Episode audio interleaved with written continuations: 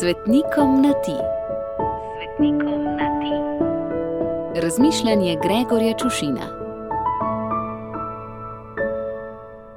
Dragi sveti Nikolaj iz Tolentina. Priznam, da ko slišim ime Nikolaj, pomislim na svetega Miklauža. Kako tudi ne, se je Miklauž brez dvoma velik svetnik, morda celo največji, ker ga čestijo stari in mladi, verni in neverni, brezverci in ateisti. Marsikoga, ki se je ločil od cerkve in na vsa usta zagotavlja, da jo sovraži, sem že videl nabirati darove za svetega Miklauža. In mi dva, dragi moj Nikolaj Tolentinski, sva svetemu Miklaužu lahko še posebej hvaležna. Tvoja starša sta se dolgo trudila za te, za otročka, pa vse za manj. In sta bila žalostna, čeprav je trud za otroka lahko nad vse lep. Potem pa sta poromala v bari na grob svetega Miklauža. In kako naj bi svetnik, ki uslišuje prošnje celo ateistom, okorelim liberalcem in razvajenim pamžem, pustil oditi praznih rok oziroma praznega naročja?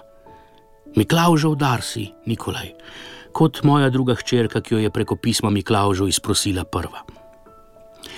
In ker življenje daje le Bog, svetnik pač le izterja poročilo usluge, si ti svoje življenje v zahvalo posvetil Bogu in še kot puhast pubertetnik potrkal na vrata Augustinskega samostana.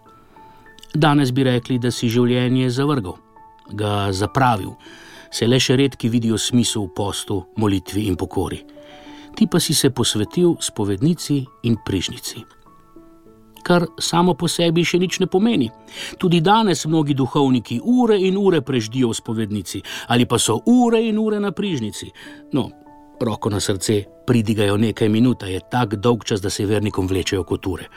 Tako pač je, če duhovnik pridiga v spovednici in se izpoveduje na prižnici. Ti pa si s svojim življenjem izven spovednice, prižnice, izven cerkve pričeval in privabil ljudi v spovednico in v cerkev. Skrbel si za najbolj odrinjene in pozabljene, pri tem pa jedel le kruh in sočivje. Torej te bodo, upam, za svojega zavetnika razglasili vsaj vegani, se kakšnega posebnega povpraševanja po tebi, kljub tvojemu svetniškemu in asketskemu življenju, ali pa prav zaradi njega ni. A ker si priprošnik za vsakdanji kruh in dušam v vicah, se ti iz obeh razlogov močno priporočam. Obilo žegna ob tvojem godu, pa nam ga vrni in razli na nas. Gregor.